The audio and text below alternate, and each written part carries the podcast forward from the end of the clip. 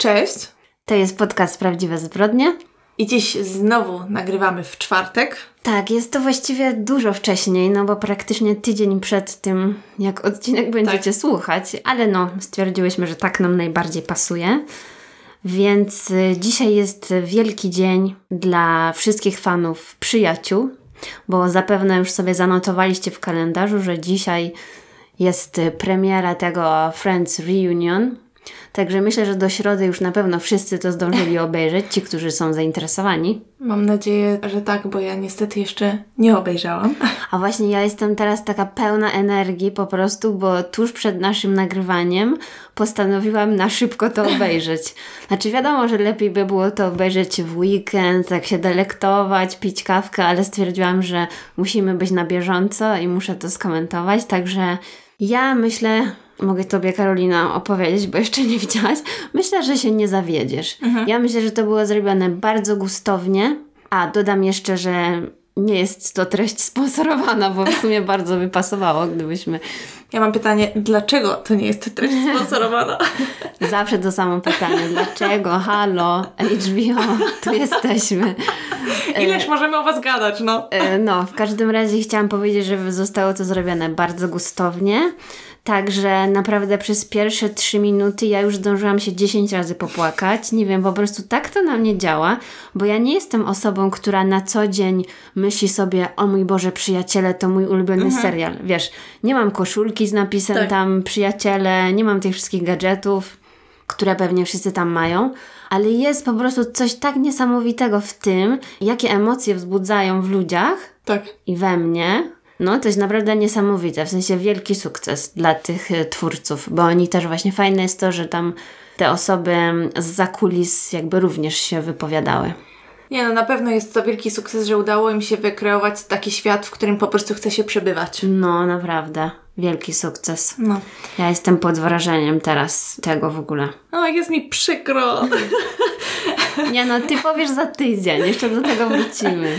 Pewnie. Będziesz miała szansę. Ja wiesz, ja się obawiam jak to się skończy, bo ja jutro mam zajęcia na siódmą, a ja jestem pewna, że po prostu skończymy o dwunastej, ja wrócę i będę z zapałkami, wiesz, oglądać. Na pewno. No dlatego ja po prostu nie mogłam wytrzymać, bo tak sobie myślałam, bo dzisiaj jest czwartek, więc było takie pytanie, co oglądamy najpierw? Nowy odcinek podręcznej mhm. czy przyjaciół? Ja myślę, że tak no, tam podręczna zawsze może poczekać, nie? Ale przyjaciele, nie, naprawdę. Zwłaszcza, że było taki takie oczekiwanie wokół, wokół tego, prawda? No. Że no wiadomo, wokół nowego sezonu podręcznej też, ale to już mamy ze sobą, bo już się zaczął, więc mm. tak. Ale o podręcznej myślę będziemy jeszcze rozmawiać dla nas w tym momencie wyprzedzamy trochę wydarzenia, bo w najbliższą sobotę jesteśmy umówione z naszymi, jak to już mówiłam ostatnio, internetowymi kolegami z podcastu Nie Spać, Słuchać. Tak i y, dostałyśmy zaproszenie do nagrania wspólnego odcinka. Oczywiście, w ogóle bez zastanowienia zgodziłyśmy się od razu i jesteśmy bardzo podekscytowane, chociaż ja się trochę stresuję. No tak, bo właściwie miałyśmy tylko jeden raz taką opcję, że ktoś z nami rozmawiał i nie miałyśmy nad tym żadnej kontroli. Tak. I to było w Kryminał do Poduchy na kanale Strefa Mroku. No i to było fajne doświadczenie, ale tam było inaczej, bo też miałyśmy wideo, więc jeszcze chyba tak. bardziej byłyśmy spięte tym, że nas widać i tak dalej. I to było chyba nasze pierwsze wideo w ogóle w, w internecie, czy może jakieś jedno z pierwszych? Bo my chyba wtedy zapowiadałyśmy, że będziemy. Mhm. Wtedy też chyba uruchomiłyśmy Patronite'a i byłyśmy takie no... Tak, tak, tak. I to... Jeszcze nieokrzesane. Dokładnie. Poza tym to była też forma wywiadu, tak, bo Damian nam zadawał pytania na temat e, nas, podcastu i tak dalej. No ale myślę, że koniec końców było fajnie. Tak, a teraz y, będzie inaczej, bo będziemy z chłopakami rozmawiać, y, tak się przynajmniej domyślam, o serialach, czyli to, co robimy w tym momencie. Tak. Bo nie jesteśmy w sumie przekonane, kiedy ten odcinek będzie live, ale jeżeli do środy się ukaże, no to oczywiście umieścimy linka w opisie. No i, i tak czy inaczej zachęcamy, żebyście ich słuchali i śledzili tak. na bieżąco. Zwłaszcza, że wiemy, że większość z Was również ogląda seriale i wydaje mi się, że to jest podcast właśnie taki idealny do tego, coś czego brakowało, bo to jest w zasadzie tylko o serialach, filmach, więc myślę, że jest e, wart Waszego czasu. No i właśnie dlatego mamy problem, bo nawet nie możemy pogadać o najnowszym odcinku z Mare of Easttown, bo zachowujemy to na, na dygresję u nich. Dokładnie. To znaczy zobaczymy jak to wyjdzie, ale no wiadomo, że że my wszyscy to oglądamy. Ja także... sobie nawet zrobiłam notatki, żeby być przygotowana do rozmowy z nimi. Także mm, przygotuj się, Karol. To znaczy, ja nie powiem, ja mam przygotowaną notatkę na telefonie, jeżeli chodzi o i podręczną, i Mare of Easttown, ale przyznam, że nie rozbiłam tego na odcinki, tylko swoje ogólne jakieś przemyślenia na Aha. temat. Y, ale może to jest dobry y, sposób, żeby posegregować myśli. Tak, ja w tym tygodniu obejrzałam dwie rzeczy. Dokończyłam Halstona, przemogłam się. I muszę powiedzieć, że dwa ostatnie odcinki były zdecydowanie lepsze niż pierwsze. Natomiast i tak dalej, no to nie jest to, przykro mi. No. A poza tym obejrzałam dokument, który po raz kolejny nie wiem, jak to się stało, że mnie ominął. I jest to dokument o y, sprawie gwałtu, do którego doszło w y, stanie Ohio w 2012 roku w liceum w miejscowości, która nazywa się Steubenville, gdzie futbol licealny gra bardzo, bardzo ważną rolę i ten dokument, to jest film, nie serial, opowiada też o roli mediów społecznościowych w dojściu do prawdy, co tak naprawdę się tam wydarzyło. Pokazują wiadomości pomiędzy tam y, ludźmi, którzy byli sprawcami tej zbrodni, jak do tego doszło, ym, filmy, które dzieci sobie wysyłały, zdjęcia, ohydne, ohydne rzeczy i między innymi też wypowiada się tam kobieta, która prowadzi bloga o sprawach kryminalnych, która jakby doprowadziła do nagłośnienia tej sprawy. Mhm. Także bardzo ciekawy, no taki przejmujący wiadomo, bo o takiej naprawdę strasznej sprawie, jeżeli ktoś y, lubi takie dokumenty, to polecam. Mhm. Ja nic nawet o tym nie słyszałam wcześniej, także ciekawe. Właśnie ja też nie wiem, jak to mnie ominęło, bo nawet jak coś wspomniałam mojemu chłopakowi o tym, to on mówi, a tak, że słyszał o tym. Aha. I tam wspomniał jakieś fakty, a to nie jest tak, że wiecie, true crime to jest jego jakaś pasja, prawda? Więc e, nie wiem, nie wiem, jak to się wydarzyło. Natomiast, e, co ciekawe, też w tą sprawę zaangażowało się Anonymous, tak się nazywa ta No, no, no. tak, organizacja. No, także obejrzyj sobie kiedyś. No dobrze.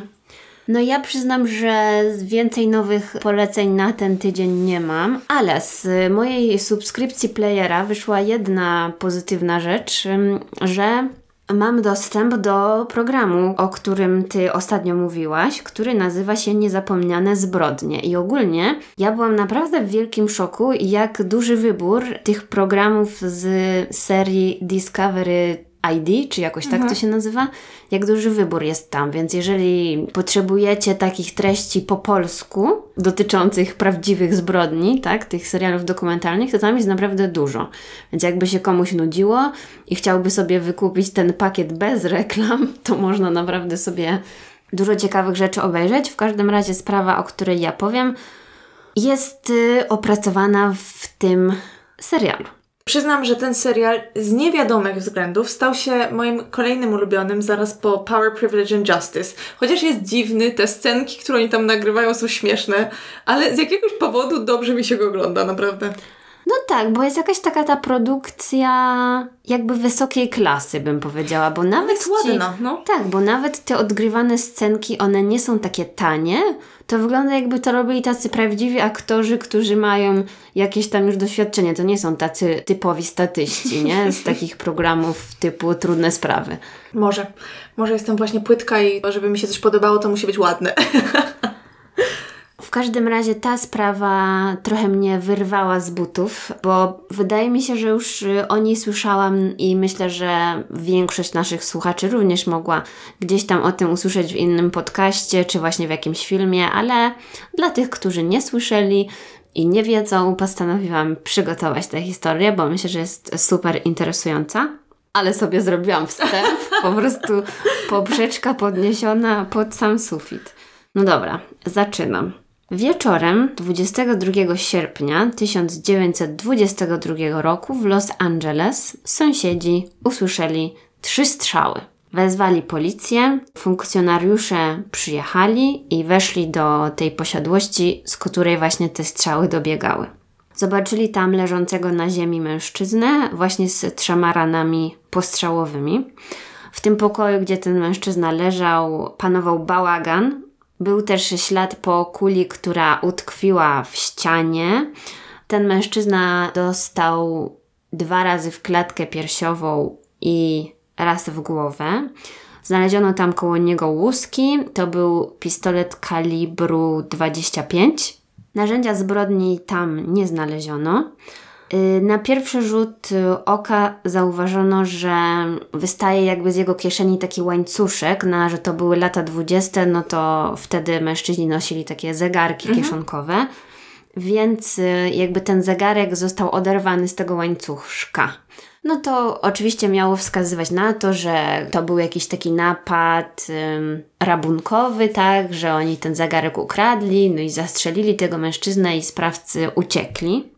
No ale od razu właściwie jak oni przyszli do tego domu, to też usłyszeli krzyki kobiety. Mhm. Więc zaczęli tej kobiety szukać, bo ona tam jakby krzyczała pomocy, pomocy. Więc okazało się, że ta kobieta została zamknięta w takiej garderobie. Drzwi były zamknięte na klucz od strony tej zewnętrznej, więc ona nie miała możliwości, żeby się stamtąd wydostać. Więc policja otworzyła te drzwi. Ta kobieta nazywała się Walburga Osterreich, ale w skrócie mówiono na nią Doli. Także myślę, że to będzie łatwiejsze. I zmarły to był jej mąż, który nazywał się Fred Osterreich. Fred miał 45 lat. Był właścicielem fabryki, w której produkowano takie fartuchy. Doli powiedziała, że tego wieczoru była z mężem na przyjęciu. Wrócili do domu parę godzin temu i ona poszła na górę do swojej garderoby, żeby odwiesić tam swoje drogocenne futro i poczuła, jak ktoś po prostu wpycha ją do tej garderoby i zamyka za nią drzwi na klucz. Następnie usłyszała strzały, no ale oczywiście nie mogła nic zrobić, no bo była zamknięta w tej garderobie, więc pozostało jej tylko tam siedzieć i płakać i czekać na pomoc. Czyli co, ona miała siedzieć w szafie i słyszeć to wszystko, co się dzieje tam, tak? Jak robią krzywdę jej mężowi. Tak, tak, tak. Policjanci zapytali ją, czy kojarzy może jakiś zegarek, no to ona opisała, że tak, to był taki bardzo drogocenny zegarek, który był wysadzany diamentami, e, miał nietypowy kształt, bo był sześciokątny, nieokrągły mm. i że to był prezent, jaki ona dała tam swojemu mężowi wiele lat wcześniej. No i tak, para państwa Osterreich, obstawiam, że mówię to nazwisko źle, no ale trudno, oni pochodzili z Wisconsin, przeprowadzili się 4 lata wcześniej do Los Angeles i zarówno Dolly, jak i Fred byli niemieckimi imigrantami mieszkającymi w Milwaukee. Kiedy Dolly miała 12 lat, to zaczęła pracować w fabryce tekstyliów należącej do rodziny Freda, a Fred był tylko 3 lata od niej starszy. I Dolly wtedy była atrakcyjną, taką charyzmatyczną dziewczyną. Mając Miała 12 lat? No, 12 i później. była popularna tam wśród y, pracowników tej fabryki i właśnie przez to szybko zwróciła na siebie uwagę Freda i wzięli ślub, kiedy ona miała lat 17 jako jego żona podtrzymywała właśnie ten swój taki pozytywny wizerunek, no bo niestety Fred y, nie był aż taki miły dla swoich pracowników, więc wszyscy mówili, że jak tam były jakieś zgrzyty czy nieprzyjemne sytuacje, to ona zawsze próbowała wszelkie spory załagodzić. Ta firma Freda odnosiła ogromne sukcesy, żyło im się bardzo dobrze, byli właściwie milionerami. I w związku z tą fortuną policja od razu podejrzewała, że może to była jakaś zemsta, może to były jakieś porachunki. No i w tym kierunku próbowali się czegoś dowiedzieć, czy miał jakichś wrogów i tak dalej. No niestety żadne wskazówki w tym kierunku się nie pojawiły. W tamtym czasie też podobno w okolicy grasowali włamywacze. Potwierdzili to sąsiedzi, że w tamtej okolicy było ostatnio dużo włamań. Także to mógł być jakiś strop, że faktycznie było to włamanie i morderstwo na tle rabunkowym. Ale dziwne było to, że właściwie nic poza tym zegarkiem nie zginęło z domu, więc no średni włamywacze, jeżeli udało im się ukraść tylko zegarek, kiedy w tej samej chyba kieszeni ten Fred miał również portfel wypchany pieniędzmi, nie? I portfela nie zabrali. No ale dobra. Rozważali też oczywiście powód y, w stylu romans, więc przepytywali wszystkich znajomych i sąsiadów i pracowników, czy nie zauważyli, żeby na przykład Dolly miała z kimś romans, albo może, że Fred miał z kimś romans. Rozważali różne opcje, ale żadna osoba z ich otoczenia nie zauważyła nic takiego podejrzanego, więc właściwie wychodziło na to, że oni są zwykłym, no w miarę kochającym się małżeństwem.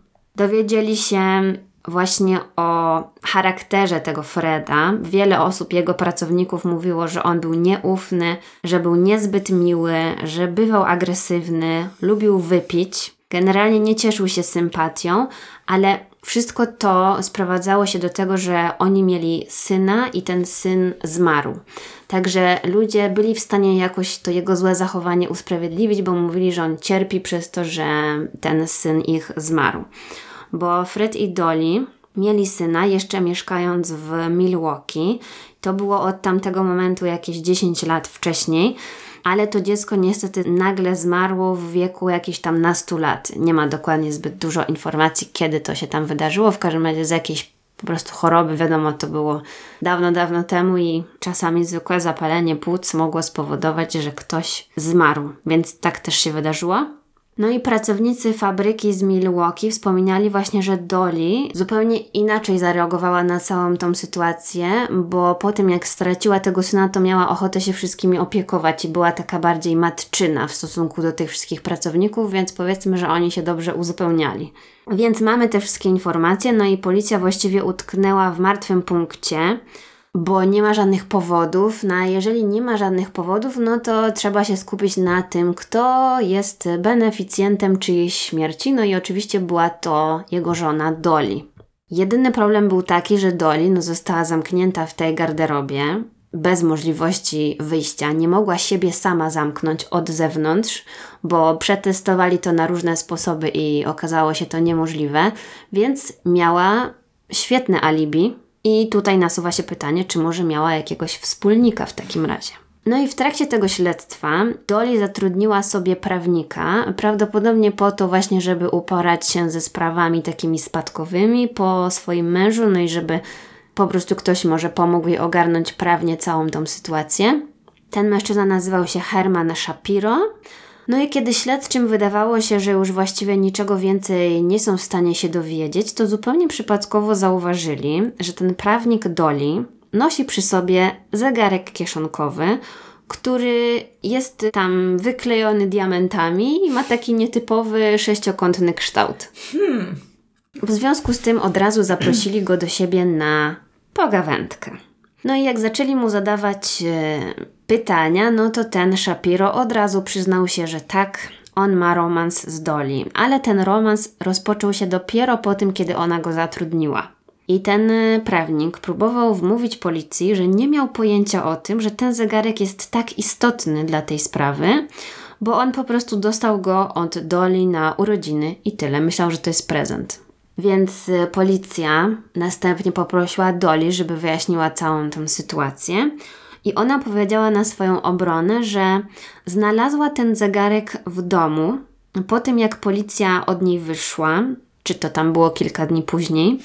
Nie chciała robić kłopotu, poza tym bała się, że oni by pomyśleli, że jest zamieszana w to morderstwo więc postanowiła podarować ten zegarek e, swojemu prawnikowi, no bo mówiła, że to taki piękny zegarek, że szkoda by było, żeby się zmarnował. No i lepiej by było, gdyby jakaś osoba go używała. No tak, tyle diamentów. No. No i oni teraz sobie pomyśleli, czy w takim razie ten Shapiro może być tym jej wspólnikiem w morderstwie. Ale okazało się, że nie, ponieważ e, sprawdzili go wzdłuż i wszerz i faktycznie okazało się, że oni dopiero się poznali po tym, kiedy ona go zatrudniła. I że ich romans rozpoczął się po śmierci Freda. Także kolejny taki e, martwy punkt. No ale Dolly w dalszym ciągu policji się za bardzo nie podobała, no bo coś im tam nie pasowało, ale nie mieli nosa, no. Ale nie byli w stanie stwierdzić, co konkretnie dowiedzieli się, że Dolly e, randkowała z wieloma mężczyznami. I na przykład e, był to mężczyzna, on był podobno jakimś reżyserem, miał na nazwisko Clamp. Dowiedzieli się, że ten mężczyzna pożyczał od Freda dużo pieniędzy, także oczywiście mógł jakoś tam skorzystać e, na jego śmierci. I zaprosili go na przesłuchanie. Ten mężczyzna wystraszył się, że mogą go podejrzewać o morderstwo, a on nie miał z tym nic wspólnego. I przyznał, że faktycznie niedługo po śmierci Freda Dolly poprosiła go, żeby wyświadczył jej pewną przysługę. a że on był jakby w niej zauroczony, no to zgodził się. No i ona poprosiła go, żeby pozbył się takiego drobnego pakunku. Oczywiście w tym pakunku był ukryty rewolwer kaliber 25 i on wrzucił to gdzieś tam w okolicy do wody i myślał, że się tego pozbył. Ale policja od razu pojechała w to miejsce, gdzie on mówił, że ten rewolwer wyrzucił i znaleźli go, bo on cały czas leżał na brzegu, bo niezbyt mocno go wyrzucił. Więc byli w stanie ten rewolwer e, zabrać i oddać do badania. Sami geniusze, no. I sprawa była oczywiście obszernie opisywana przez media, więc kiedy okazało się, że znaleziono jakiś tam rewolwer w związku z tą sprawą, no to na policję przyszedł sąsiad Doli, który powiedział, że podobny rewolwer znalazł gdzieś tam w krzakach e, w ogrodzie. Więc okazało się, że jeszcze drugi rewolwer takiego samego typu był zakopany w ogródku w okolicy domu Doli. Także no dość dziwne. Co na to powiedziała Doli? Doli powiedziała, że znalazła rewolwer w domu, czy właściwie te dwa, po śmierci Freda, no ale znowu bała się jakichkolwiek zarzutów, bała się, że będą ją o coś podejrzewać, więc poprosiła tam swoich przyjaciół, żeby się tego dla niej pozbyli. No bo ona jest niewinna, no i nie chciała mieć żadnych problemów, nie? Ja jej wierzę. No i po tym odkryciu właściwie tych e, rewolwerów, to było 11 miesięcy po śmierci Freda, Dolly została aresztowana. I jeżeli dobrze to wszystko obliczyłam, to Dolly musiała w areszcie spędzić jakieś półtora roku, ponieważ w styczniu 1925 roku prokurator postanowił odrzucić wniosek, żeby ją oskarżyć o to morderstwo i sprawa nie trafiła do sądu w ogóle, a Dolly opuściła areszt. I uznano, że żaden z tych rewolwerów nie nadawał się do stanowienia jakby dowodu, bo ten, który został wrzucony do wody, był tak zardzewiały, że w ogóle nie dało się jakoś tam zbadać. W środku przynajmniej oni nie mieli może takich narzędzi wtedy. I tak samo ten drugi. No pasował tylko ten kaliber, ale z drugiej strony to nie jest też żaden dowód. Uznał, że zegarek też nie stanowi żadnego dowodu w sprawie morderstwa, no bo nie ma w nim żadnych jakby, wiesz, nie ma, na tym zegarku nie ma żadnych śladów zbrodni. No tak. No i faktycznie, jeżeli zegarek został znaleziony w domu, a Fred w tym domu mieszkał, no to równie dobrze mógł mu wypaść i tyle, nie? Urwać się. Mhm. Tak, także no nie znaleziono żadnych konkretnych dowodów na nią, bo cały czas powracali do tego, że ona była zamknięta w szafie i nie była w stanie nic zrobić. Więc no nie mieli tego sprawcy, prawda? No i teraz y, przyspieszamy trochę tempo. Przez te 5 lat nic się nie zmieniło w tej sprawie. 5 lat później na policję przychodzi Herman Shapiro, czyli ten prawnik, który miał z Dolly romans. I on mówi: Dzień dobry, ja bym chciał złożyć oficjalne zeznania w sprawie śmierci Freda. Oni: Okej, okay, słuchamy. I on zeznał, i tutaj zaczyna się robić bardzo dziwnie, ale pewnie już po tytule możecie odgadnąć, co tam się wydarzyło. W każdym razie on zeznał, że kiedy Dolly przebywała w areszcie, to błagała go, żeby zrobił zakupy spożywcze i zaniósł je do jej domu. No ale to trochę dziwne, no bo wydawałoby się, że w tym domu nikogo już więcej nie ma, tak? Jeżeli ona jest w areszcie, mąż nie żyje, nie było żadnej służby, no to komu on by miał to jedzenie tam zanosić? I w tym programie właśnie Niezapomniane zbrodnie mówiono, że Dolly wyjawiła temu Shapiro, że w domu przebywa jej przyrodni brat, tak go nazwała. I że on mieszka na strychu, ponieważ jest dziwny, ma jakieś takie problemy psychiczne, dlatego nie wychodzi z tej swojej kryjówki. I Dolly udzieliła Shapiro instrukcji, żeby zastukał trzy razy w te takie drzwiczki od e, strychu i dopiero wtedy ten jej przyrodni brat będzie wiedział, że jest bezpiecznie i że może wyjść. No i ten Shapiro to zrobił, no bo on musiał być bardzo zauroczony Tom Dolly, no i generalnie robił wszystko, co ona mu kazała. No i oto ukazał się przed nim dziwny, młody człowiek. Nazywał się Otto Sanhuber. I ten Otto był tak spragniony rozmowy z kimkolwiek, że opowiedział Shapiro całą swoją historię, która okazała się być po prostu historią jego dziesięcioletniego związku z Dolly. No i teraz musimy się cofnąć w czasie, kiedy to Otto poznał Dolly. I to było jeszcze w Milwaukee. To było w roku 1911. I on wtedy miał około 16 lat. Mhm. Jako ten 16-letni biedny chłopak pracował w fabryce jej męża. On był sierotą, nie znał w ogóle e, swojego jakby szczegółów dotyczących jego pochodzenia. Został adoptowany przez rodzinę o nazwisku San Huber, no i z nimi żył. Znajomość Doli i Otto rozpoczęła się prawdopodobnie niedługo po śmierci jej syna. Znaczy, to jest takie do, do, domysły, aż się zająkałam. Domysły, bo być może ona właśnie wtedy miała złamane serce, miała bardzo dużo miłości w sobie do przekazania komuś, I wybrała szesnastolatka. tak, no i może właśnie było to wykonane w nie do końca zdrowy i społecznie akceptowany sposób. No i tak właśnie wyszło.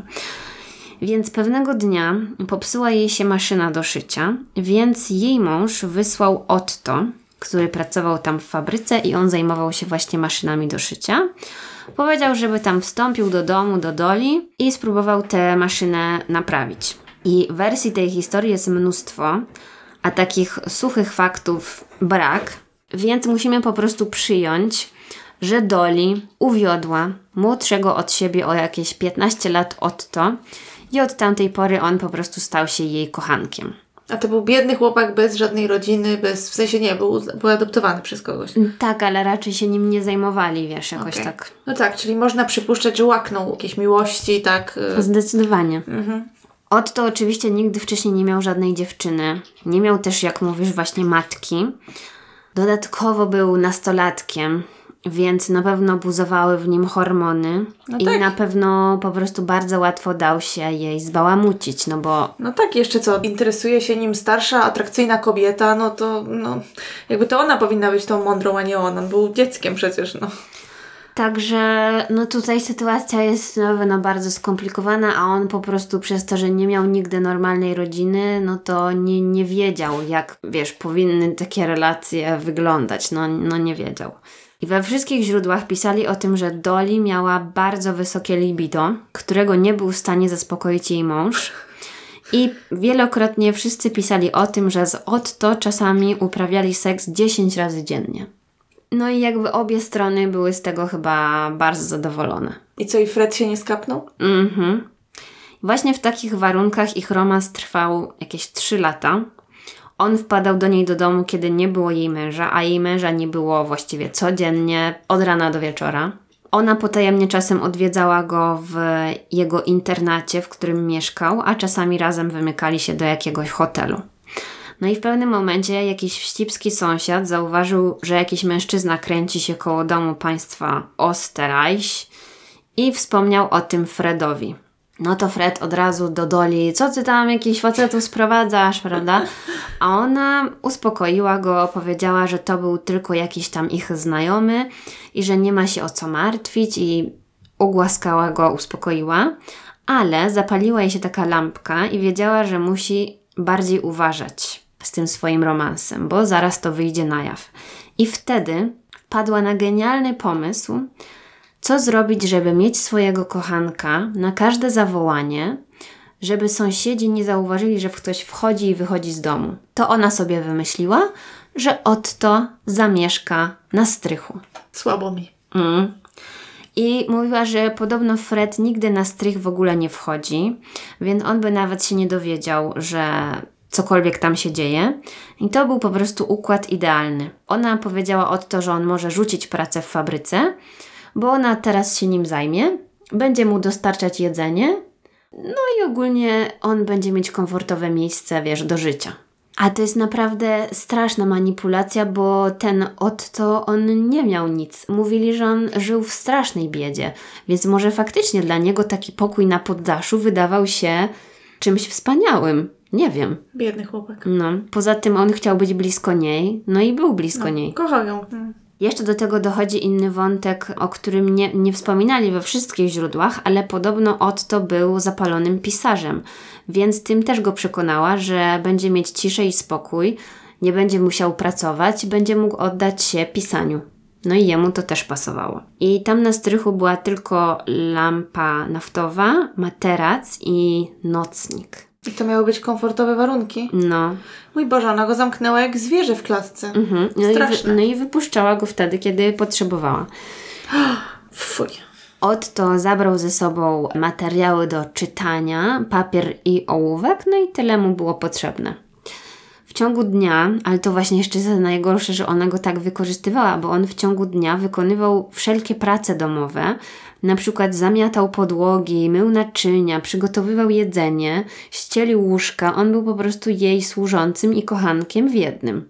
A w nocy, albo kiedy tych domowników nie było, no to wtedy Otto mógł sobie wyjść, pochodzić po domu, trochę się rozruszać. W ogóle masakra. I co ciekawe, to wejście na strych miało zamek na klucz i ten klucz Doli zawsze nosiła przy sobie. W pierwszym domu, w którym mieszkali, strych był tuż nad sypialnią państwa Osterreich, więc Otto nie mógł się właściwie poruszać, żeby nie wydawać żadnego dźwięku. No i mówię, że w pierwszym domu, bo Dolly i Fred kilka razy się przeprowadzali. Przeprowadzali się w Milwaukee, potem przeprowadzili się do Los Angeles i zawsze Dolly wybierała dom ze strychem, żeby móc go zabrać ze sobą. I jeżeli teraz zastanawiacie się na przykład, e, dlaczego ktoś w ogóle zgodziłby się na to, żeby żyć zamknięty na strychu, On miał jakiś syndrom sztokholmski no, już. nie móc wychodzić, godzić się na to, żeby być niewolnikiem seksualnym w ogóle jakiejś kobiety, no to jedyne takie logiczne wytłumaczenie jest takie, że on po prostu nie widział w tym nic złego, no bo nie znał właściwie innego świata, tak?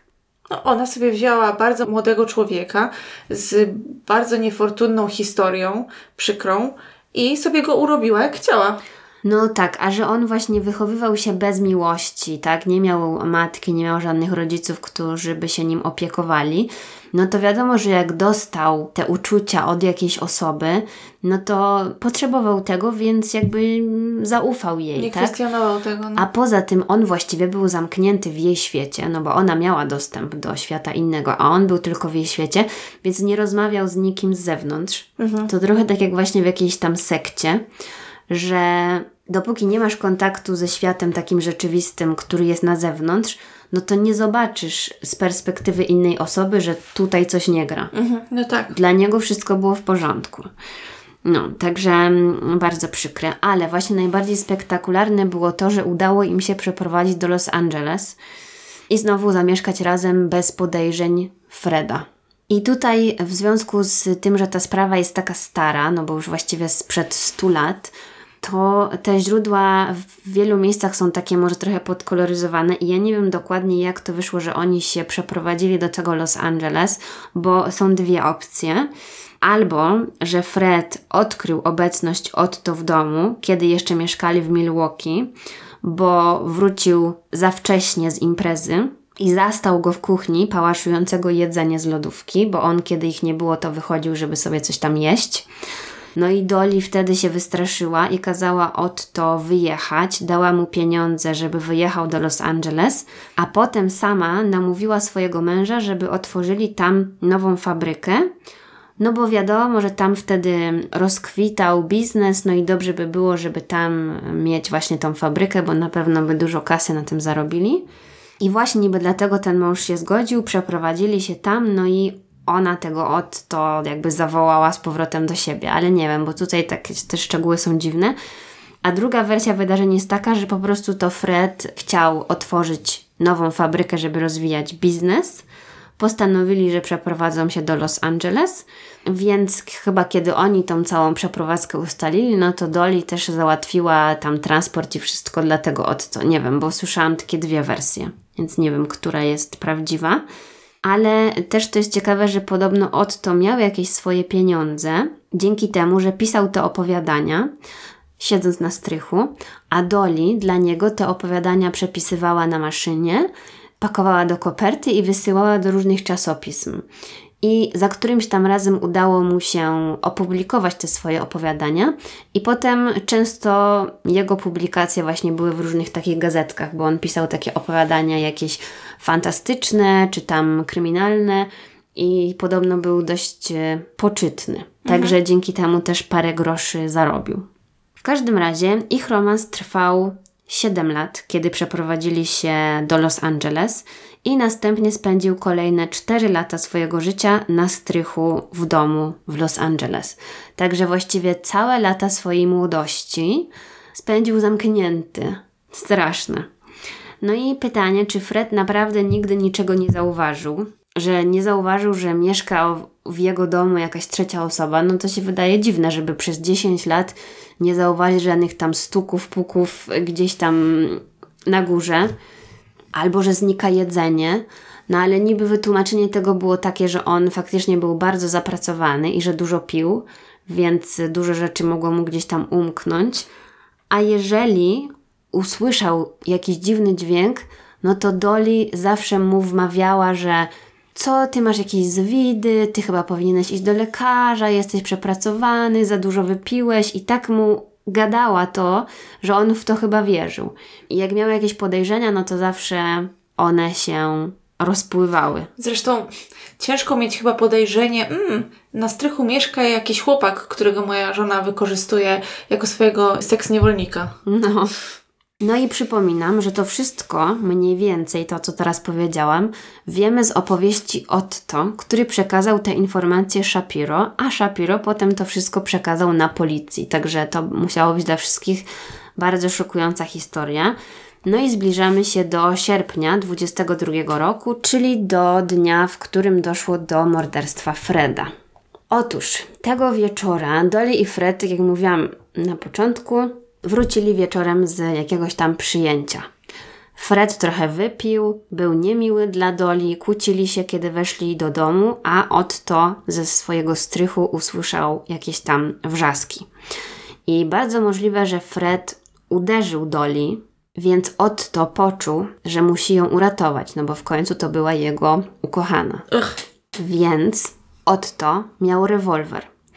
I nie wiem, ale przypuszczam, że ten rewolwer mogła dać mu Doli, albo znalazł rewolwer gdzieś w domu, bo jak mówiłam, było dużo włamań w okolicy i on sobie ubzdurał, że kiedy tych domowników nie ma, to on jest odpowiedzialny za to, żeby domu bronić.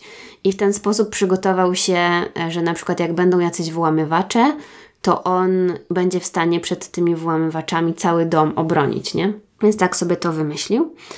No i niestety przez to, że miał tę broń, no to wziął ten rewolwer i pobiegł na ratunek Doli. No i możemy się domyślać właściwie tylko, co się wydarzyło później, bo on po prostu zastrzelił Freda. Powiedział, że zastrzelił go w samoobronie, więc możliwe, że między nimi doszło do jakiejś przepychanki. No i jak Fred nie żył już, no to musieli z Doli wymyślić jakiś plan, jak upozorować tą całą sytuację na napad czy na włamanie, prawda?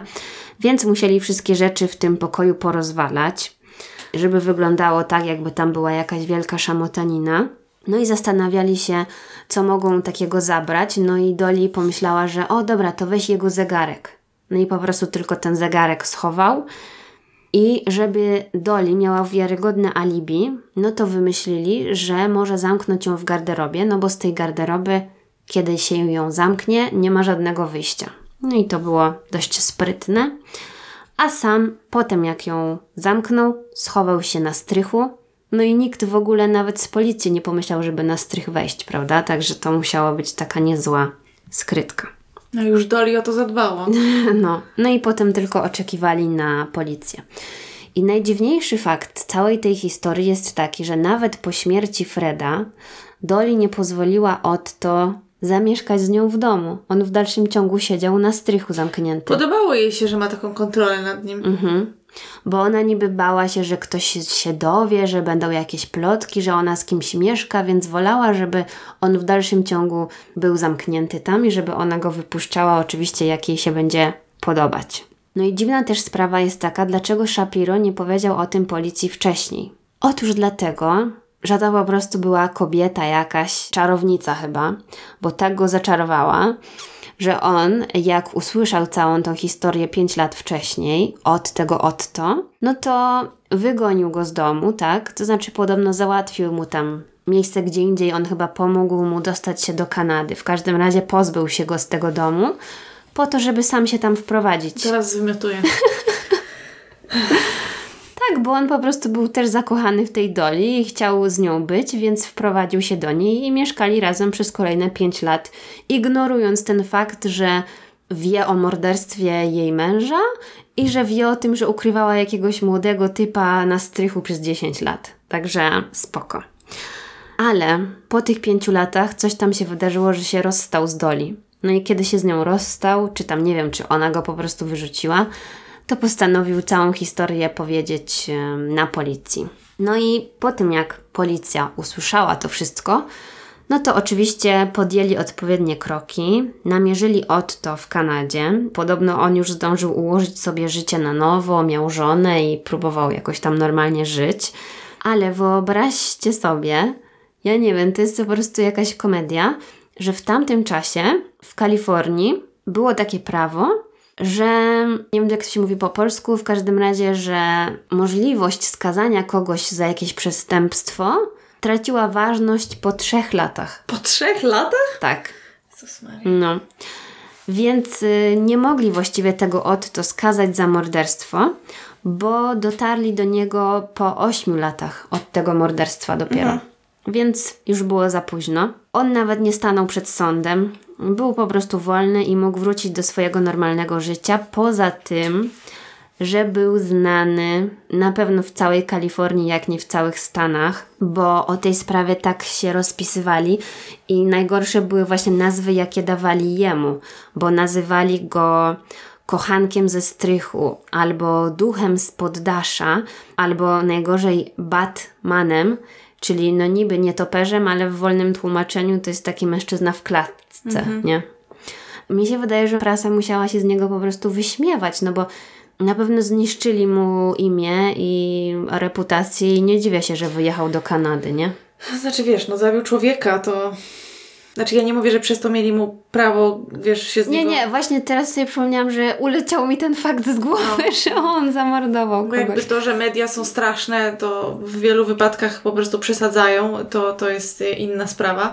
Ale z drugiej strony, no co by nie mówić, popełnił przestępstwo i... No tak, tak. Tylko właśnie na ile on był e, umysłowo świadomy, Mhm. to też jest inna kwestia, bo on myślę miał zrobione takie pranie mózgu, że No na pewno Szok. to jest jedna z tych spraw, gdzie okoliczności jednak trochę zmieniają postrzeganie, aczkolwiek no, trzeba o tym pamiętać. W sumie skąd my możemy wiedzieć, czy on go naprawdę zabił w samoobronie, a może stwierdził, a mam okazję, odstrzelę męża mojej kochanki, nie? Mhm, no tak.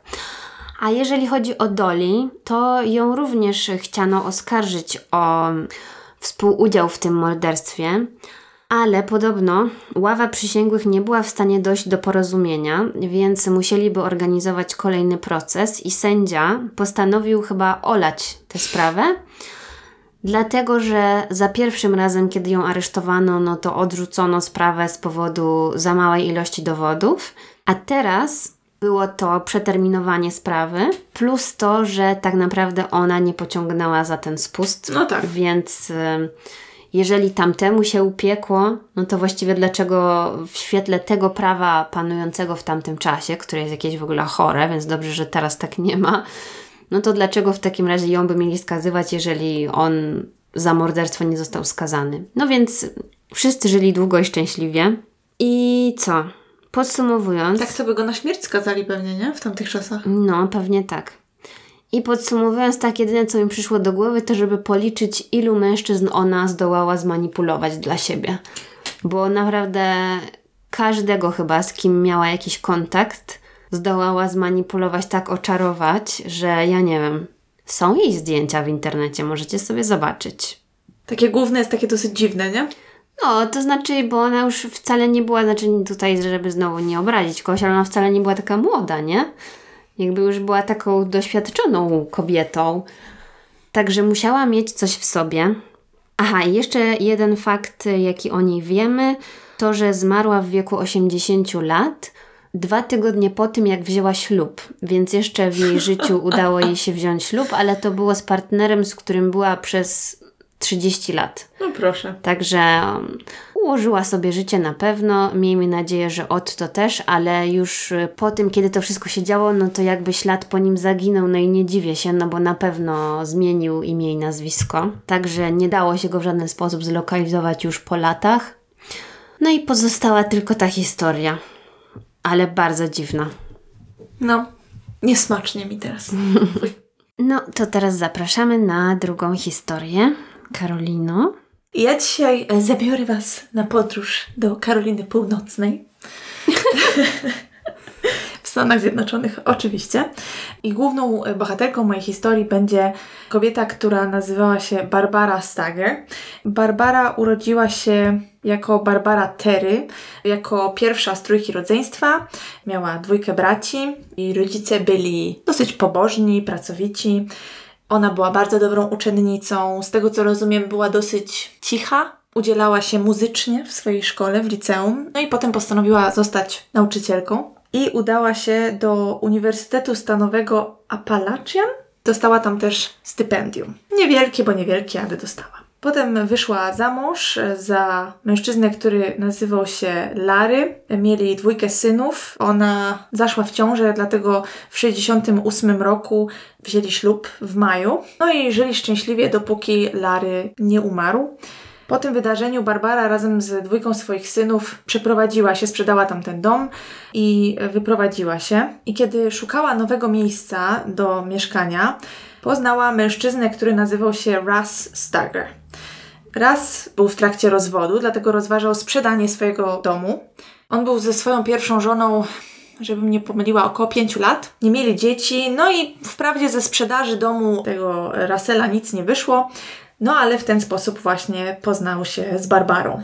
Barbara kupiła dom w okolicy, w której y, mieszkał raz, no i w ten sposób ich relacja zaczęła się pogłębiać po miesiącu czy dwóch oni już w ogóle byli zaręczeni, e, wiesz, hmm. spotykania się, także poszło bardzo szybko. I wzięli ślub w 79 roku. Raz bardzo chciał mieć e, swoją rodzinę, chciał mieć dzieci. No i bardzo też e, lubił synów Barbary, chciał być dla nich ojcem, no bo oni ojca nie mieli. Także adoptował ich. W tamtym momencie jej synowie Barbary mieli 6 i 11 lat, mieli świetny kontakt z rasem, byli szczęśliwą rodziną po prostu. Na temat tej sprawy jest bardzo dużo seriali dokumentalnych, aż byłam zdziwiona, szczerze mówiąc, bo jakoś tam ją znalazłam po hasłach, których nie będę teraz zdradzać, ale jak weszłam, że tak powiem, na Wikipedię później, to zobaczyłam, że naprawdę chyba każdy możliwy program po prostu powstał na ten temat. No może nie każdy, ale naprawdę było ich e, sporo. I w jednym z nich, chyba Fatal Vows się nazywa, z tego co pamiętam. Oczywiście to wszystko potem Wam wypiszemy jak zwykle wspominali o tym, że Barbara miała ponoć taką, wiesz, drugą naturę, że tak to była cicha, spokojna, chodziła do kościoła, ale bestia w sypialni. No, domyślałam się. tak. No, ale tutaj się śmieję oczywiście, bo dla mnie wspominanie takich rzeczy jest żenujące, jakby mówienie o tym, że ach, raz był bardzo usatysfakcjonowany przez jego jakichś tam znajomych. Po co takie rzeczy gadać w ogóle? No chyba dobrze, że się sobie podobali, po co jakby, no, no ale dobra. Bo e, jakaś taka pikanteria, wiesz. tak, szukają jakiejś taniej sensacji niestety, no ale dobra, niech będzie. Poza tym małżeństwo miało bardzo dużo wspólnego. Oboje interesowali się sportem, dlatego że raz był trenerem w lokalnej szkole, nauczycielem WF-u, o może w ten sposób. Razem udzielali się w kościele, oni oboje należeli do kościoła baptystów i byli z kościołem bardzo związani żyli na bardzo wysokiej stopie i właśnie też w tym samym programie, który wcześniej wspominałam, jakiś tam kolega rasa śmiał się, że zastanawiał się skąd oni mają na to wszystko pieniądze, bo on też z pensji nauczyciela nie był w stanie kupować sobie takich rzeczy, a oni wiesz, ciągle to wymieniali dom na większy, samochód na lepszy. Oni też kolejną wspólną rzecz, jaką mieli, to, że lubili ładne ubrania, ładne akcesoria. Po prostu lubili sobie kupić, wiesz, coś drogiego. Natomiast podejrzewali, no, że Barbara jakby nie przyszła z pustymi kieszeniami do tego małżeństwa. Ona też w pewnym momencie znalazła sobie pracę, sprzedawała bodajże reklamy w radiu. I w pewnym momencie też zaczęła odnosić sukcesy jako autorka książki, dlatego że napisała książkę. Inspiracją do tej książki była przedwczesna śmierć jej męża. No i wysłała tą książkę do jakiegoś wydawnictwa, które postanowiło od niej tą książkę kupić. O, ciekawe. Tak. Wszystko wydawałoby się być y, super, fantastycznie. Natomiast niestety w pewnym momencie raz u nich w domu odkrył mnóstwo niezapłaconych rachunków i ponagleń. No i oczywiście wściekł się i wybaczył Barbarze to jej niespłacanie, tak, i to, że w zasadzie to oni już nie mieli żadnych pieniędzy, ale postanowił, że on przejmie finanse i jego rodzice pozwolili im wyjść finansowo na prosto też, tak? Czyli pomogli im spłacić długi. Bo ponoć Barbara robiła takie rzeczy, że na przykład zaciągała pożyczkę, a potem, żeby ją spłacić, zaciągała kolejną. Bo mm -hmm. po mhm. prostu ciągle kupowała więcej, więcej, więcej. Gdzieś w jakimś artykule pamiętam, że wspominali, że oni mieli jakieś Rolexy, wiesz, no strasznie drogie rzeczy, nawet na tamte czasy, tak? Mm -hmm. Lata 80. Teraz jakby porównać kwoty, pewnie ile kosztuje Rolex teraz, a w latach 80. wtedy to było mniej, ale jakby wtedy też inną wartość miały te pieniądze, prawda? Wiecie o co mi chodzi. Mhm, tak. No i tak mijały lata. Tak jak mówiłam, w pewnym momencie musieli zacisnąć pasa, to ich życie się zmieniło, przeprowadzili się do mniejszego domu, nie wiem, nie wymieniali samochodu co 30 sekund. Barbara ponoć e, zaczęła jeszcze częściej bywać w kościele. Zmieniła pracę, chyba została sekretarką na uniwersytecie. No i wszystko wydawało się być w porządku. Do 1 lutego 1988 roku, kiedy to na numer alarmowy i tak, są różne wersje. W niektórych źródłach po prostu mówili, że zadzwoniono na numer alarmowy, tak? W innych mówili, że Barbara, z tego co pamiętam, a w jednym artykule znalazłam, że starszy syn Barbary, który miał wtedy 13 lat i miał na imię Jason, yy, zadzwonił. Oczywiście o to poprosiła go matka, ponieważ jej mąż został zastrzelony. Postrzelony w zasadzie. Przez przypadek. Drugi martwy mąż. Dokładnie, tak. Mm, Dopasowałyśmy się dzisiaj idealnie. No i kiedy Pogotowie przyjechało na miejsce, raz żył jeszcze, natomiast no, oddychał bardzo ciężko, wiesz, z buzi, z nosa, z rany w głowie leciała mu krew. Zastali go leżącego na łóżku na boku w sypialni ich, bo to było tam we wczesnych godzinach porannych, około 6 rano, więc on jeszcze jakby leżał w łóżku, kiedy do tego doszło. Zabrano go do szpitala, ale niestety nie udało się go uratować i on zmarł po kilku godzinach. I teraz co się wydarzyło? Według Barbary pistolet wystrzelił i teraz znowu. Jest kilka różnych wersji. One różnią się od siebie niewiele, ale opowiem Wam wszystkie, które usłyszałam na wszelki wypadek.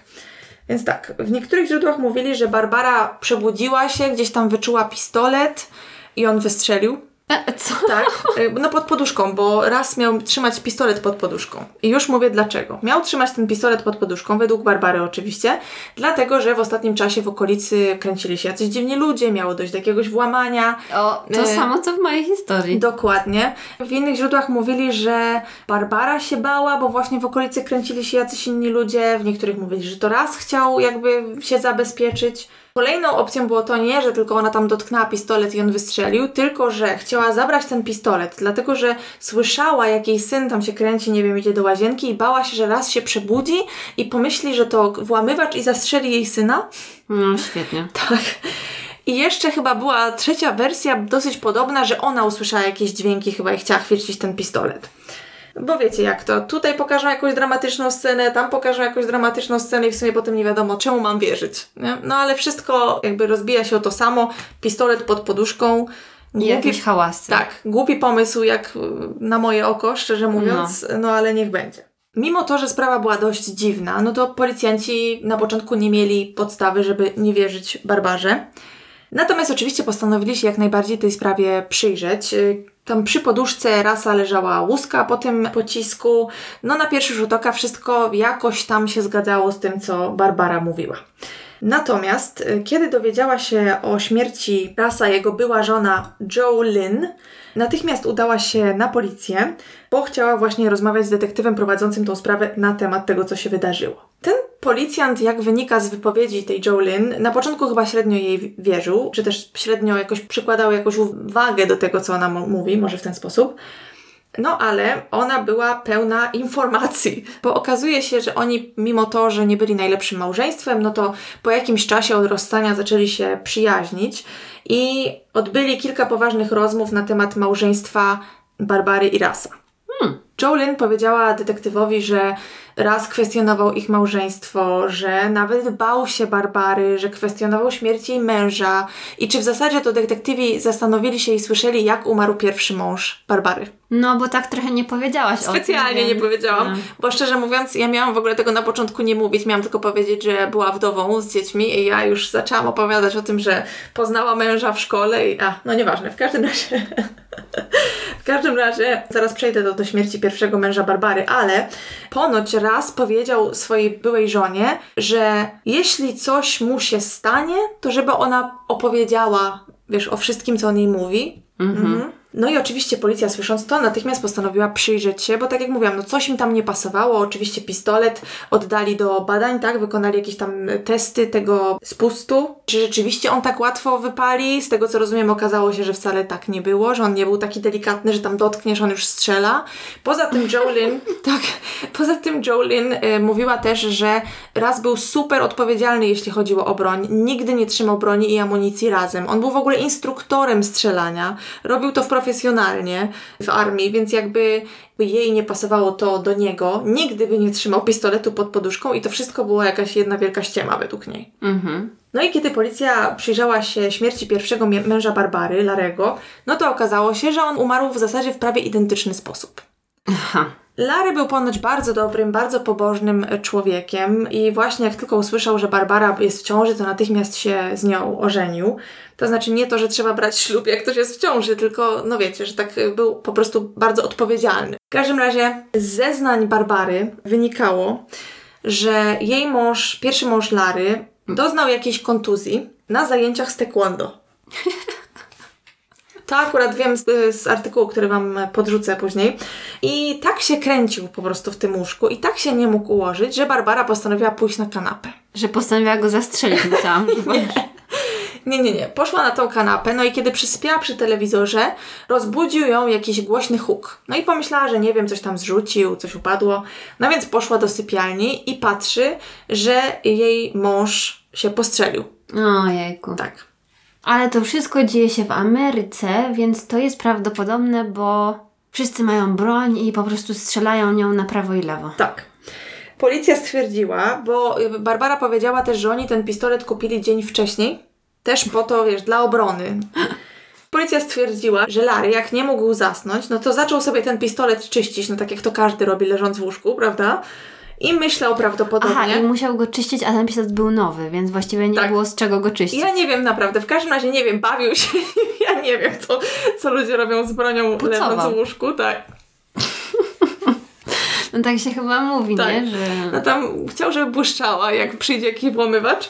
I em, ogólnie to jak przyjechali na miejsce i pogotowie, i policja, no to Larry to w ogóle leżał w piżamie, tak równo ułożony, pod kołdrą, w zasadzie jeszcze, nie wiem, przykryty. No i okazało się, że właśnie ma ranę postrzałową w klatce piersiowej. Aha. W ogóle ja nie mam pytań.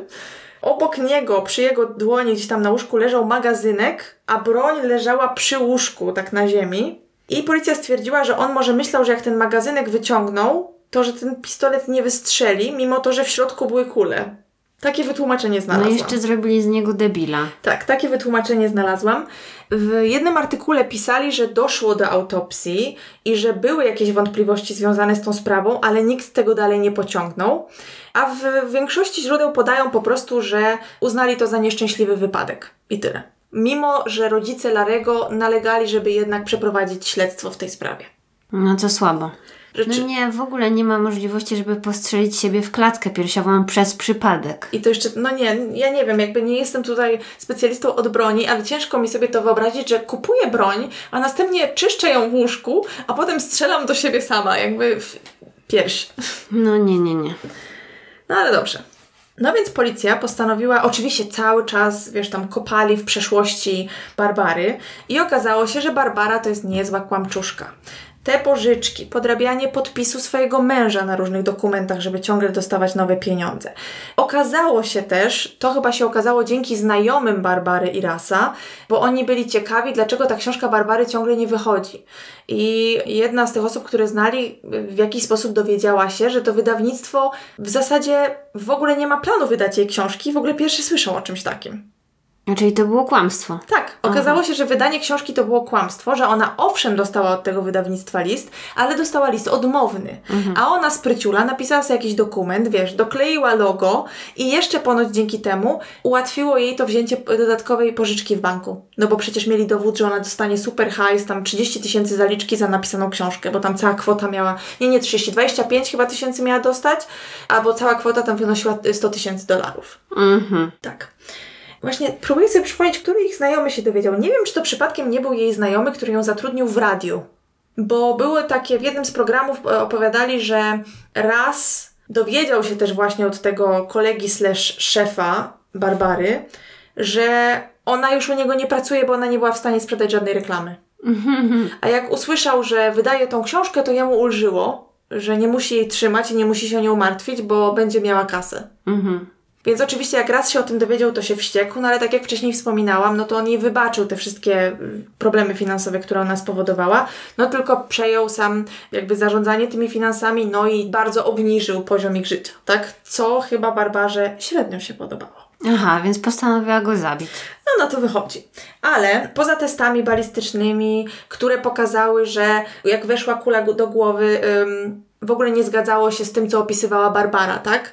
Ponieważ ten policjant miał nosa, który prowadził to śledztwo i postanowił poprosić Barbarę, żeby ona na nagraniu pokazała dokładnie, jak doszło do tego wszystkiego. Wiesz, cały czas mówili, okej, okej, my ci wierzymy, tak żeby nie wzbudzać jej podejrzeń, ale poprosił ją, żeby ona, wiesz, taką scenkę odegrali. Że on był rasem, a ona miała pokazać, jak to wszystko się wydarzyło.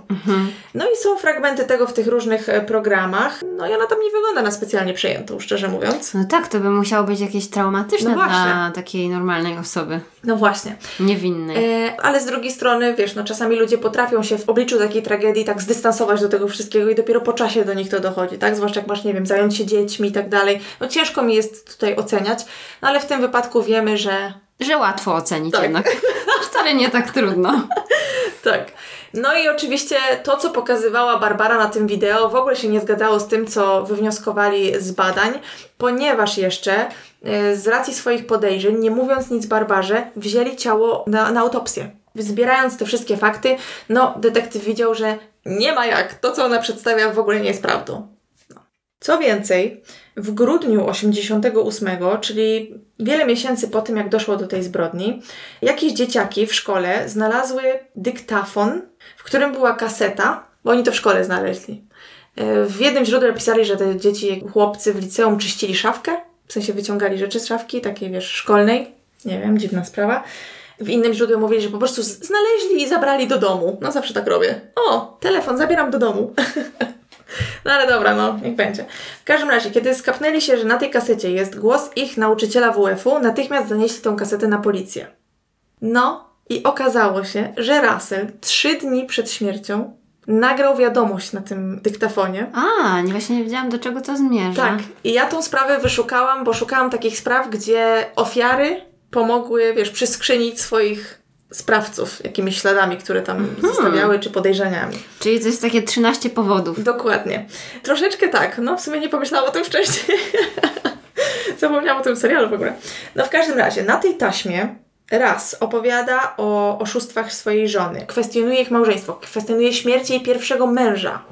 Bo przypomnę, że ona napisała książkę inspirowaną tamtymi wydarzeniami, która oczywiście była fikcją, yy, no ale jakieś tam szczegóły yy, z życia przemycała do tej fikcji.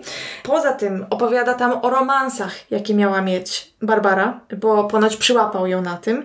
I opowiada też, że boi się jej, może nie tymi słowami, ale że jakby no, boi się jej, dlatego że ona obudziła go na przykład w nocy, około tam czwartej nad ranem i mówiła, że o proszę, mam dla ciebie tabletki na sen, żeby lepiej ci się spało. Wyobrażasz sobie? Ja, ja w ogóle nie wiem, No, spoko jest kogoś obudzić, Tak. żeby mu dać tabletki na E, sen. wstań, dam ci tabletki, żeby ci się lepiej spało. Po pierwsze, czy Barbara jest idiotką? To jest raz. Dwa, dlaczego raz od razu się nie wyprowadził po prostu stamtąd? Może bał się o dzieci. Aha, w ogóle jeszcze Joe Lynn, ta jego była żona, wspomniała, że on powiedział coś takiego na jednej z wizyt u niej w domu, y, na jakiejś takiej, w ogóle złota kobieta, bo rozwiedli się, z tego co rozumiem, on nie był święty, bo on ją zdradzał w przeszłości. No ale dobra, zdarza się. Rozstają się, on bierze ślub po prostu 5 sekund po ich rozwodzie, a ona potem jeszcze się z nim przyjaźni i wysłuchuje jego gorzkich żali na temat jego aktualnej żony. Mm, no. No i on ponoć jakieś takie aluzje robił, że jakby ona go przyjęła, to on się już wyprowadza z domu. I że jedyne w zasadzie wątpliwości, jakie miał co do rozstania z Barbarą, to były dzieci, bo on bardzo kochał No tych jej właśnie. synów, był bardzo z nich dumny i nawet jego była żona wspominała, że on bardzo często po prostu o nich opowiadał, tak?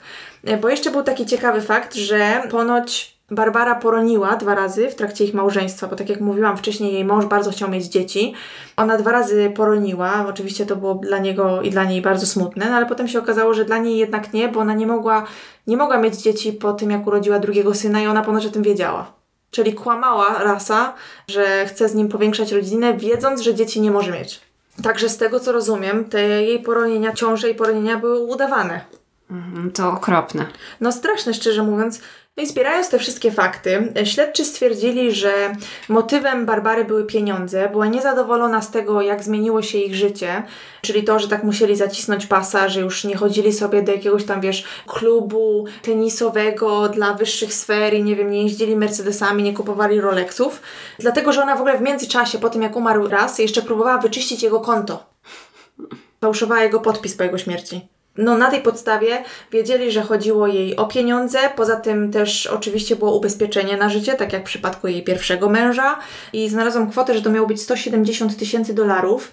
I zbierając te wszystkie fakty do kupy, miejsce zbrodni, stwierdzili, że ona musiała wstać, wyciągnąć pistolet z szafki, w której był zazwyczaj trzymany, zakraść się, po prostu strzelić, potem położyć łuskę, wiesz, koło poduszki bo jak przeanalizowali to, w jaki sposób y, kula weszła y, w głowę rasa, no to jeden tam z policjantów powiedział, że ona w zasadzie musiałaby na nim siedzieć, żeby tak strzelić. Czyli po prostu się pochylała nad nim, tak? Bo kąt był inny. Też e, w którymś z tych programów mówili, że Barbara nie wierzyła w rozwody, więc domyślam się, że poza pieniędzmi jeszcze nie chciała się rozwieść. Że nie mogła się rozwieść przed Bogiem. Mogła Może. tylko być wdową Tylko przed Bogiem. zabić, tak, mogła. To lepiej, e, zdecydowanie. Boże święty, nie mogę uwierzyć w to.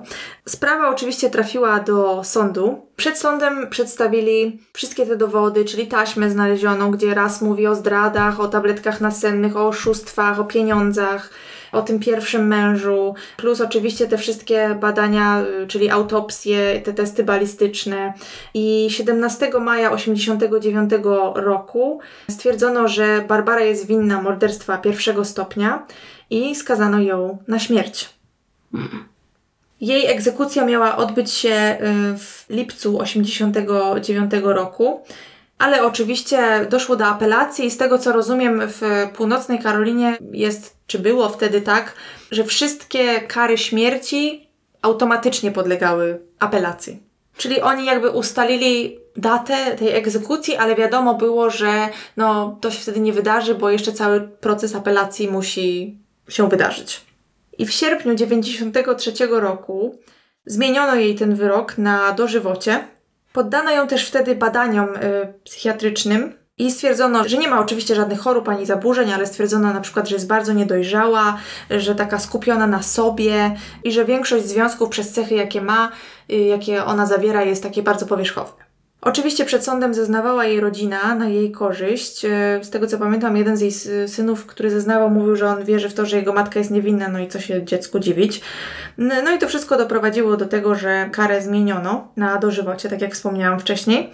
Wiele razy starała się o wcześniejsze wyjście z więzienia, bo po raz pierwszy mogła próbować w 2005 roku, ale zostało to odrzucone. Odrzucili ten wniosek również w 2009, 2012, 2015 i 2018. Ale z tego co rozumiem, jest też taki artykuł z 2017 roku, to Barbara zaczęła brać udział w takim programie, który ma przygotowywać ludzi na wyjście z więzienia, przyzwyczajać ich do świata zewnętrznego i okazało się, że ona na przykład dostała możliwość wychodzenia z więzienia na przepustki z jakąś tam osobą oczywiście wyznaczoną, tak, e, jakimś oni to nazywali sponsorem, i chodziła sobie na lunche do restauracji z tą osobą. No i oczywiście w tym artykule em, wypowiadała się chociażby Jolene, która jak się dowiedziała o tym od jakiejś znajomej, która widziała Barbarę po prostu se siedzącą w restauracji, no była oburzona i że w ogóle co to ma być i że okej, zmienili jej wyrok na dożywocie, to niech siedzi, wiesz, w więzieniu, nie? A nie puszczają ją na lanczyki. No i taka to historia, no to już jest w tym momencie starsza kobieta, prawda? Bo ona urodziła się w 48 roku. Mhm, to już musi mieć 70 lat. Tak, tak. Ale szczerze mówiąc, nie pałam do niej sympatią, bo brzmi jak ktoś po prostu bardzo, bardzo samolubny, skupiony tylko na sobie i ach, nie mam pieniążków, no to zastrzelę męża i będę miała. No, zdecydowanie coś było nie tak z jej systemem wartości. Tak, no i to, że zostawiła dwójkę dzieci, wiedziała, że dzieci już nie mają ojca, bo go straciły prawdopodobnie przez nią. No bo tutaj stwierdzono, no nie mieli żadnych takich dowodów chyba na to, żeby tą sprawę otworzyć ponownie. Poza tym ona i tak dostała dożywocie, tak? Najpierw karę śmierci zmieniono, potem na dożywocie, więc chyba stwierdzili, że nie ma co tego jakby roztrząsać i i z tego co rozumiem, ten jej młodszy syn, bo starszy już był wtedy pełnoletni, ale młodszy syn poszedł mieszkać z jej bratem. Nie? Więc no, nie zastanowiło ją to, że. dzie- No, nic. W każdym razie pozbawiła dzieci dwójki ojców. No i matki powiedzieć. też. I matki, no, dokładnie. No, przyznam, że może mogłybyśmy opowiadać takie historie do po prostu usranej śmierci, jak żona zabiła męża albo mąż zabił żonę. I to jest tak dla mnie teraz przerażające, jak o tym myślę, że dlaczego? W sensie, nie wiem, czasami po prostu mam taką refleksję, że po nagrywaniu tego podcastu albo po słuchaniu innych tych podcastów, nie wiem, czy bym była w stanie, wiesz, w jakąś inną relację wejść. Bo oczywiście jakby już y, mam partnera, tak, więc nie muszę szukać. No, ja powiem szczerze, że na pewno bym się bardzo bała pójść z kimś gdzieś, tak kogo nie znam. W sensie, No. wiesz, nie wiem, na przykład na spacer do parku, już bym sobie wyobrażała, że on tam ma chloroform w kieszeni, nie wiem, nóż i... Ale to nawet nie chodzi o pierwszą randkę, ale jak ludzie potrafią po 10, 15, 20 latach No kogoś to to zabić, wiem, tak, tak, tak. daj no. spokój. Jak tu można komuś zaufać? Nie wiem. Masakra. no widzisz, ale robimy to codziennie. No, no cóż, Tylko nie trzymaj y, broni pod poduszką. no zdecydowanie. Ale widzicie, no i dlatego po co komu broń w domu, no? To jest tylko proszenie się o jakieś nieszczęście. Ja nie wiem. No ale cóż. I jeszcze rozwaliło mnie, bo w wielu tych programach mówili, że no czasami takie sytuacje się zdarzają. Myślę sobie, no nie zdarzałyby się, gdyby ludzie nie trzymali broni pod poduszką. Po raz kolejny podkreślę. To nie jest normalne. No. I to, że ktoś pomyślał, no tak, no mogło dojść do takiej sytuacji, to już jest chore. No zdecydowanie jest to jakaś różnica, nie wiem, czy tam kulturowa, czy po prostu społeczna, bo ja nie jestem w stanie sobie wyobrazić, jak można mieć po prostu broń w domu. Komu to jest potrzebne? No ja zawsze bałam się broni. Pamiętam jak chodziliśmy tam raz czy dwa w liceum, poszliśmy na strzelnicę, to ja nie brałam udziału, bo można było zrezygnować. No trzeba było pójść, trzeba było posłuchać tam gadania, ale nie trzeba było próbować. I pamiętam, że ja bałam się tego i rezygnowałam. Zresztą chyba o tym gadałyśmy kiedyś. Czy mi się wydaje? Nie pamiętam. Mi się wydaje, że też coś takiego mogło być, ale ja też raczej stałam z boku. Na 100% nigdy broni nie dotykałam. W ogóle. Jeszcze młodym dzieciakom dawać, jeszcze się komuś to spodoba, daj spokój. Nie no, pamiętam, że taki miałam nakapiszony pistolet.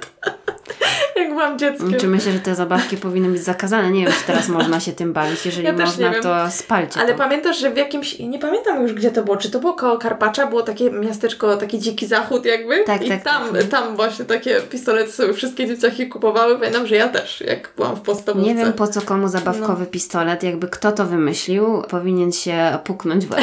No, jest to trochę dziwne, jest to trochę dziwne, tak. No nic, no i tym pięknym akcentem może już zakończymy. Tak, tak.